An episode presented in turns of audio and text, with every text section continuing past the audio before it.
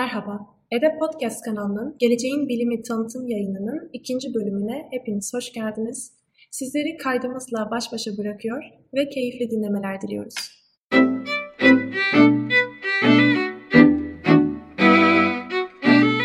Mesela atölyelerinizin isimlerinden makine öğrenmesi, çağın pusulası veri, biyoteknoloji gibi isimler bazı sosyal bilimci arkadaşları korkutuyor olabilir. E, ve çok normaldir de çünkü teknik görüyoruz e, hep bu isimleri.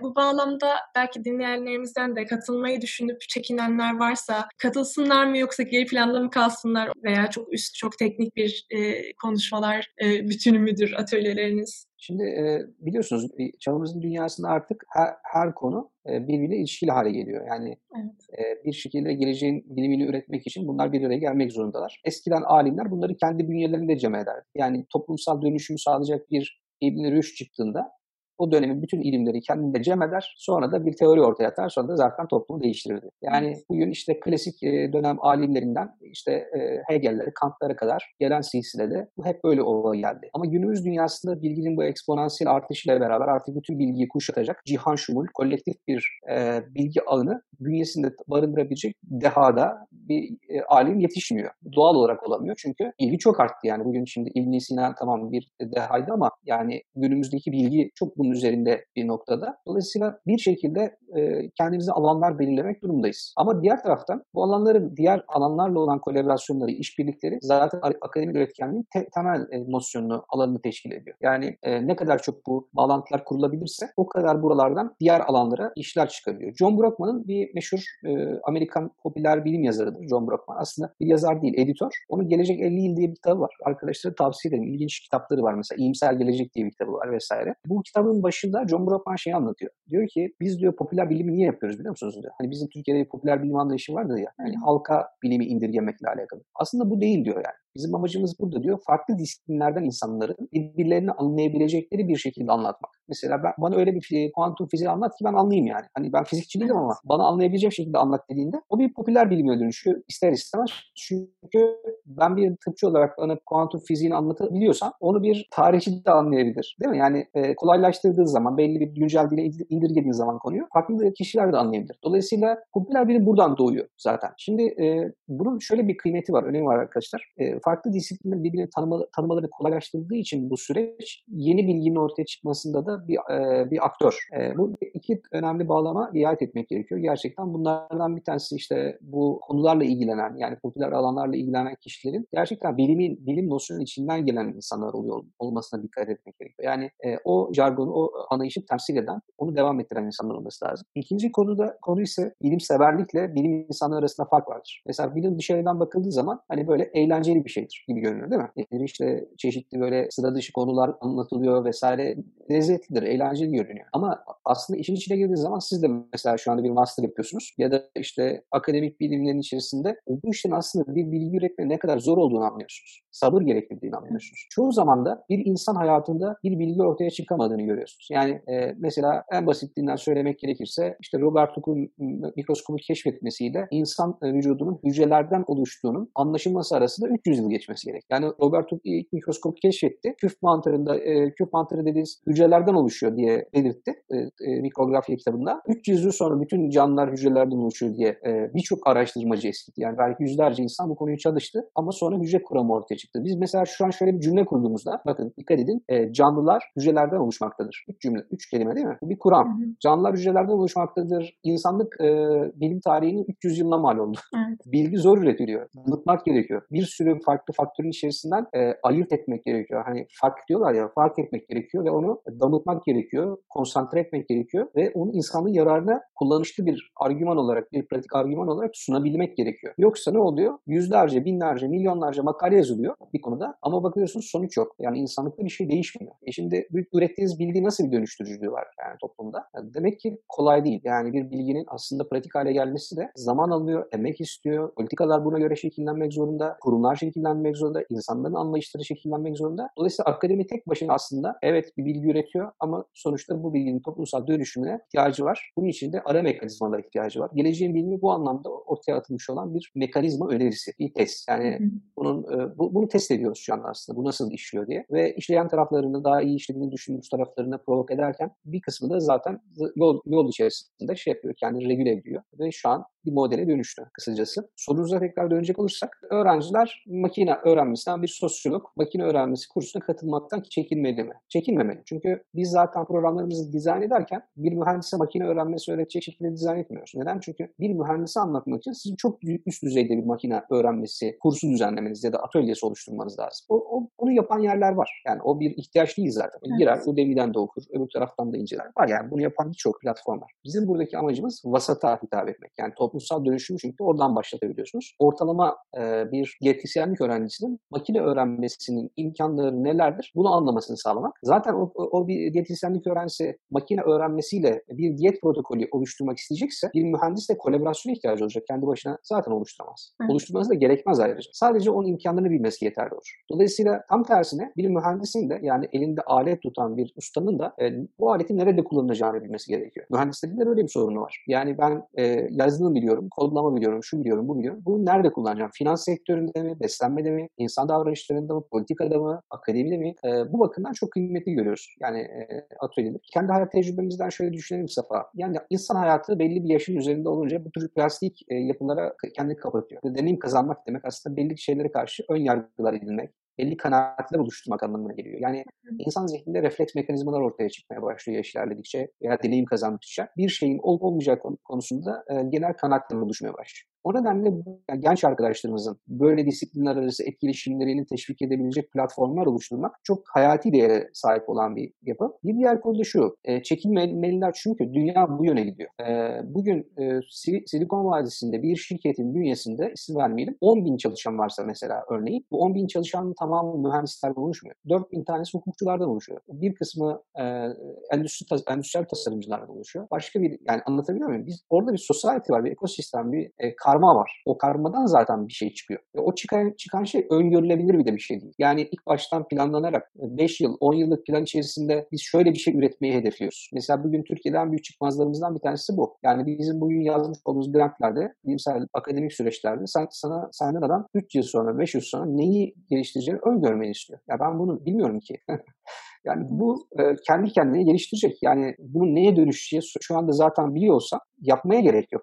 Neden? Çünkü zaten biliyorsan birisi yap, yapıyordur zaten. O nedenle temel araştırmalar bu noktada önem arz ediyor. Mesela e, bunu burada işte Google örnek verebiliriz. Yani adam ne yapıyor? O 10 bin insan e, giriyor o hangar gibi yere. Orada böyle böyle mülakatlar yapıyor, karşılıklı görüşmeler yapıyor falan. Etkileşimlerde bulunuyor. Barbekü yaparken konuşuyor. Öbür arkadaşını çağırıyor böyle bir şey var mı diyor falan. O etkileşimin içerisinde herkes elinde bir projeyle akşam evine gidiyor. Yani dolayısıyla artık bilgi e, böyle social e, aktiviteler yani sosyal alanların zenginlik alanların içerisinde üretiliyor ve doğuyor. Aslında laboratuvarda doğmuyor. Laboratuvarda test ediliyor. Bilgi aslında sosyal alanlarda doğuyor. Kafeteryalarda doğuyor. E, bizde mesela sivil toplumda doğuyor. Yani o derneğin içerisindeki insanlar bilgi üretiyor. Sonra onu şurada ya da burada test ediyorlar, deneyimliyorlar. Günün sonunda hayır korkmamalısınız. Yani e, bir e, diyetisyen, bir psikolog, bir sosyolog makine öğrenmesinden korkmamalı, anlamaya çalışmalı. Bunun imkanlarını nerelerde kullanabileceğini, sosyal alanlarda nerelerde neyi iyileştirebileceğini, neyi daha iyi analiz edebileceğini, neyi daha iyi e, hale getirebileceğini düşünmeli. Bu alanlarda uygulama alanları geliştirmeli. Belki bunları bir eğer uygunsa bir ticari fikir, girişim haline getirebilirsiniz. Belki bir akademik test haline getirebilirsiniz. Belki bir devlet politikası haline getirebilirsiniz. Buralardan çok çıktılar çıkar. Hep çıktıları bir yönde olması da gerekmez. Kendinizle alakalı bazı değişiklikleri yapabilirsiniz. Mesela ben laboratuvarda bazı araştırmaları yaparken elde ettiğim bulguları kendi hayat anlayışımı değiştirmek için kullanıyorum. Yani bu İbn Sina'da da vardır biliyorsunuz. İbn Sina e, bir konuda bir meseleyi çözdüğünde hani ki üzerine çalışmış olduğu bir meseleyi anladığında kalkıp e, etrafındaki insanlara yemek e, ısmarlayıp bir de e, şey şükür namazı kılıyormuş. Yani bizim şimdi hangi entelektüelimiz, hangi akademisyenimiz bir meseleyi, ilmi bir meseleyi çözdü ya, ya Rabbi sana şükürler olsun bu meseleyi de çözdüm.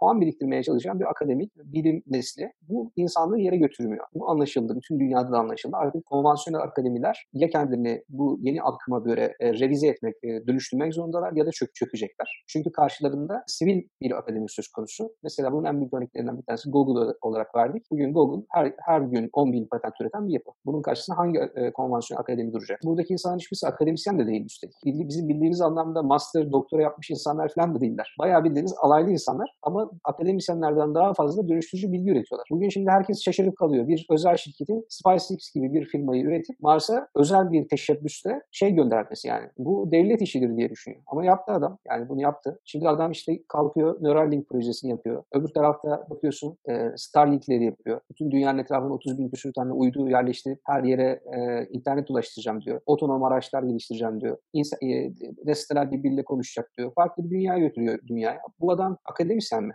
E, ürettiği bilgiyi akademiyle mi üretiyor? Yani dolayısıyla sivilleşmek durumunda fazla karartmış olabilir. Şöyle bir eklemeyle e, bütün tamamını kendi lehimize çevirelim. Dünyanın en güçlü sivil toplum yapısına sahibiz. Evet. Çünkü sivil bir medeniyetiz. Burada işte öldük bittik desek yine e, o küllerden doğan, yeniden kendini kuran bir akıl e, toplumsal akılımız var. Toplumsal refleksleri çok doğru şekillerde yönetebiliyoruz, yönlendirebiliyoruz. Evet, zayıf yönümüz akademimiz. Çünkü burjuvamız yok. Ama güçlü yönümüz strateji geliştirebilen, atak yapabilen, hızlı hamle yapabilen bir toplumsal modele sahip. Hızlı çalışan bir sosyal e, ağımız var. Bu ağın dinamiklerini doğru anlar, hedeflerini doğru koyar, gençlerimizi doğru hedeflere yönlendirir e, ve potansiyelimizi doğru alanlarda kullanırsak biz Türkiye'nin ihtiyacı olan teknolojileri de geliştiririz, e, ahlakı da kurarız, adaleti de sağlarız, toplumsal ihtiyaçları ihtiyaçlarımızı da gideriz. Bütün dünyaya da bu anlamda yeteriz. Yetecek argümanları üretiriz. Yeter ki elimizdeki bu stratejik kaynağı iyi kullanabilelim. Çünkü bu anlamda Türkiye'de yeni bir fırsat doğmuş. Ama geldiğimiz noktada bütün dünya bizim modelimize dönüyor şu an. Yani sivil toplum modeline bilgiyi hayatın içerisinde, insanların arasında üretme ve dönüştürücü bir bilgi modeline dönüşüyor. Bu noktada Türkiye'nin bir fırsatı olduğunu düşünüyoruz. Eğer sivil toplumun e, bu zekasını, hafızasını akademik platformlarla birleştirebilir ve sivil topluma, sivil alanlara akademik akademik bir misyon kazandırabilirsek bunların mümkün olduğunu gösteren güzel örnekler var ülkemizde de. Yani bunlar işte İSAV olabilir, İLEM olabilir, EDEP olabilir. EDEP de bunun güzel bir örneğidir. Ama genelde sosyal alanlarda var. Belki bunları sanata e, yapmak lazım. Sanat alanında işte e, biliyorsunuz İstanbul Sanat Akademisi, efendim e, yine işte bu mimarhane diye bir oluşum. Bunlar hepsi güzel gayretler. Yani Türkiye'de yok demiyoruz ama bunların daha daha fazla sayılarının artması yönünde bir e, yapılanmaya, bir çalışmaya ihtiyaç vardı. E, geleceğin bilimi de bu anlamda şöyle bir model ortaya koyuyor. Klasik e, sivil toplum örgütlerinin dışında biz non-hiyerarşik çalışıyoruz. Yani hiyerarşi, başkan, başkan yardımcısı, bir şey koordinatörü, bir şeyin direktörü yok bizim aramızda. Hepimiz kendi istidatlarımız, bireysel özelliklerimiz çevresinde belli prensipleri kullanarak bu harekete katma değer üretmeye çalışıyoruz. Ve bundan da inşallah sadakayı cari umuyoruz. Yani biz de bunun bir hayır olarak, hasenat olarak döneceği ümidiyle bu işleri yapıyoruz. Herhangi bir kariyerist yani işte bu bana e, şöyle bir e, yerde kapı açar plan düşüncesi de değil. Ya da her, e, herhangi bir şekilde konformizm e, içerisinde kurtarılmış bölgede yaşama e, hissiyatıyla değil. Günün sonunda bizim varlık sebebimizle ilişkili bir amaçla bunu yürütüyoruz. Güzel, şu anda çalışmalarımız iyi gidiyor. Güzel bir rağbet var. Bu şekilde ifade edebilirim çalışmalarımızı. 31 Ekim 1 Kasım arasında gerçekleşecek bir Geleceğin Bilimi forumu var. Şimdi e, şöyle anlatalım. Yani bunlar aslında bir etkinlik olarak görünüyor ama biz aslında Geleceğin Bilimi olarak bunlara bir etkinlik olarak bakmıyoruz görmüyoruz. Yani bir form organize ediyoruz. İşte insanlar geliyor konuşuyor olarak görmüyoruz. Şöyle görüyoruz. Bir sosyal bir sosyal ağ oluşuyor diye görüyoruz. Yani Hı. belli hassasiyetleri, ortak motivasyonları, misyonları, anlayışlı olan insanların hangi toplumsal kesimden olursa olsun hiçbir sınırlamamız yok bu noktada. Ee, bir araya geldikleri ve geleceğe dair kavram ürettikleri bir alan olarak görüyoruz. Şimdi sistem şöyle işliyor. Sene içerisinde e, gelecek buluşmaları ismini verdiğimiz şu anda 66. aydayız. Oldukça istikrarlı. Her ay ayın ikisi ve dördüncü cumartesi günleri saat 4'te düzenlenen e, çok da fix bir zamanı vardır. Buluşma zincirimiz var. Aynı anda mesela Türkiye'nin altı farklı noktasında aynı gün ve saatte insanlar bir araya geliyor. Ne konuşuyorlar? Geleceğe dair meselelerini konuşuyorlar. Yani meselemiz, güncel gündem meselelerimiz neyse bunları ele alıyor. Bunları ele alış biçimimiz de şu değil. Yani ya işte birisi gelsin bize bir şeyler anlatsın falan değil. Buradaki amacımız şu. Yapılan münazara içerisinde biz buraya da nasıl bir değişiklik ortaya çıkarabiliriz? Ne ihtiyacı var? Şu, şöyle bir yere e, şöyle bir şey yapılması gerekiyor. Fiziki bir ihtiyaç var. Onu üretelim. Atölye erişiyoruz. Biz buna gelecek akademisi diyoruz. Senin içerisinde bu akademi birçok atölyeler üreterek devam ediyor. Senenin sonunda yani Kasım ayında her sene bir büyük form icra ediyoruz. Bu formda bir sene boyunca bu atölyelerden, yapılan çalışmalardan elde edilmiş olan deneyimlerin bir hulasası, bir toplama aslında. O zaman işte e, formun teması ortaya çıkıyor, mahiyeti ortaya çıkıyor ve bir sonraki senenin de gelecek vizyonu biz her sene bir vizyon belgesi yayınlarız. Çünkü çok hızlı değişiyor vizyon. Hani zaman çok hızlı değiştiği için vizyon da değişmesi gerekiyor. E, mesela bu seneki vizyonumuz terennüm şart. Mottomuz da o. Eğitim yetmez, terennüm şart mottosuyla bu sene yapıyoruz yapıyoruz formumuzu. Bu ne demek? Şu demek. Aslında mesela basit bir örnekle açıklayalım. Ee, insanlara eğitim veriyorsunuz. Yıllarca okuyor. CEO oluyor değil mi? Üst bank, bankanın üst yöneticisi haline geliyor. Bakıyorsunuz haberlerde görüyorsunuz. Komşusunun kızının yüzüne kezzap atıyor. Niye yaptın? İşte benim kızımdan daha güzel de herkes ona bakıyor. Şimdi yani demek ki eğitim yetmiyor. Yani demek ki siz bu insanlara neler verdiniz? Ne verdiniz şimdi? Her şeyin en iyisi benim olmalı. Ee, ben birinci olmalıyım. Ben güçlü olmalıyım. Ben e, önde olmalıyım. Yetiştirdiğiniz günün sonunda ne oldu bu adam? E, baktı ki e, komşusunun kızı daha güzel. Öyle gördü. Çocuğun yüzüne maazallah kezzap attı. Şimdi ne oldu? Yani ne oldu? Eğitim şart demiştiniz hani ama eğitimde olmuyor demek ki. Ne yapacağız? O zaman terennüm etmek gerekiyor. Yani sadece eğitmek değil, estetik bir anlayış. Yani güzelce tek tek her bir unsuru, ahlakı, anlayışı, estetiği, güzelliği, iyiliği bunları kazandırarak eğitim vermek. Eğitim şart ama terennüm de etmek lazım. Eğitim yetmez, terennüm şart. Bu sene formumuzda bu değerlere biraz daha odaklanacağız. Şimdi bizim zihnimizde bir teknoloji kavramı var mesela. İşte dijital dünyalar, şunlar bunlar teknoloji değil mi bizim için? Halbuki teknik kelimesi Yunanca'da art kelimesinin karşılığıdır. Art demek sanat. Bizde eskiden teknik liselere sanat lisesi denirdi. Aslında biz buna yabancı değiliz. Sanatın teknikten farkı nedir? Sanat aslında bir şey yapma usulüdür ama estetik bir şeydir. Yani onu letafetle, zerafetle, hoşlukla, insanın bütün iyilik duygularını için içerisine katarak e, yapılan bir e, e, tekniğe sanat diyoruz biz. E, ama mesela teknik kelimesi teknik yani dümdüz bir şeydir yani. Halbuki aslında kavramsal olarak baktığınız zaman bunlar aynı kökten geliyor. Bizim e, medeniyet anlayışımızda sanat o nedenle kıymetlidir. Biz e, terennümü o nedenle kullandık. Yani terennüm aslında bir musiki kavram olarak kullanılıyor. E, hoş bir seda demek. Yani hani diyorlar ya hoş bir seda imiş, vaki, vaki kalan bir kubbede diyorlar. Dolayısıyla e,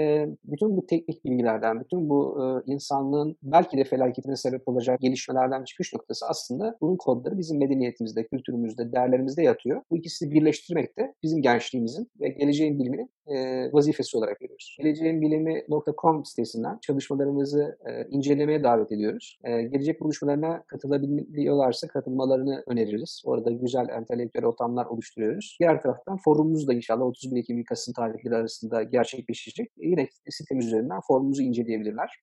Buradan tavsiye ederiz, teklif ederiz. Ayrıca hayal kurmayı da hiç bırakmamalarını öneririz arkadaşlarımıza. Çünkü hayal ve rüya belki işte diğer adıyla. Gelecek orada kuruluyor. Yani sizin zihninizde kuruluyor sonra gerçek oluyor. Biliyorsunuz bizim çocukluğumuzda jetgiller vardı. Hı hı. Değil mi? Onların kollarında böyle saatler vardı. Konuşuyorlardı saatlerle. Şimdi o gerçek oldu 20 yıl sonra. Yani orada mesela insanın tasavvur ettiği, geleceğe dair hayal ettiği e, şeyler toplumsal planda belki o kişiler gerçekleştirmiyor ama seneler içerisinde gerçekleşiyor. Dolayısıyla hayal etmekten vazgeçmesinler. Belki kendi hayatları içerisinde değil ama onların çocuklarının hayatları içerisinde bunların karşılığı olacaktır. Onun için azmetmek lazım. Bu fırsatı bize tanıdığınız için de bütün Edep ailesine şahsınızda teşekkür ederiz. Umarım teşekkür ederiz e, hocam. Muhabbet, sohbet olmuştur. Muhakkak oldu hocam. Ben, ben çok faydalandım. Dinleyicilerimiz de çok faydalanmıştır eminim. Çok teşekkür ederim hocam. Ben de bu yayınımızla bizi kırmayıp podcastimize katıldığınız için. Değerli dinleyicilerimiz bu haftaki yayınımızda da EDE Podcast kanalında bizleri dinlediğiniz için çok teşekkür ederiz. Geleceğin Bilimi sitesini ve forumunu incelemeyi unutmayın. Bir sonraki Mutat yayınımızda görüşmek üzere. Allah'a emanet olun. Herkese hayırlı haftalar dileriz.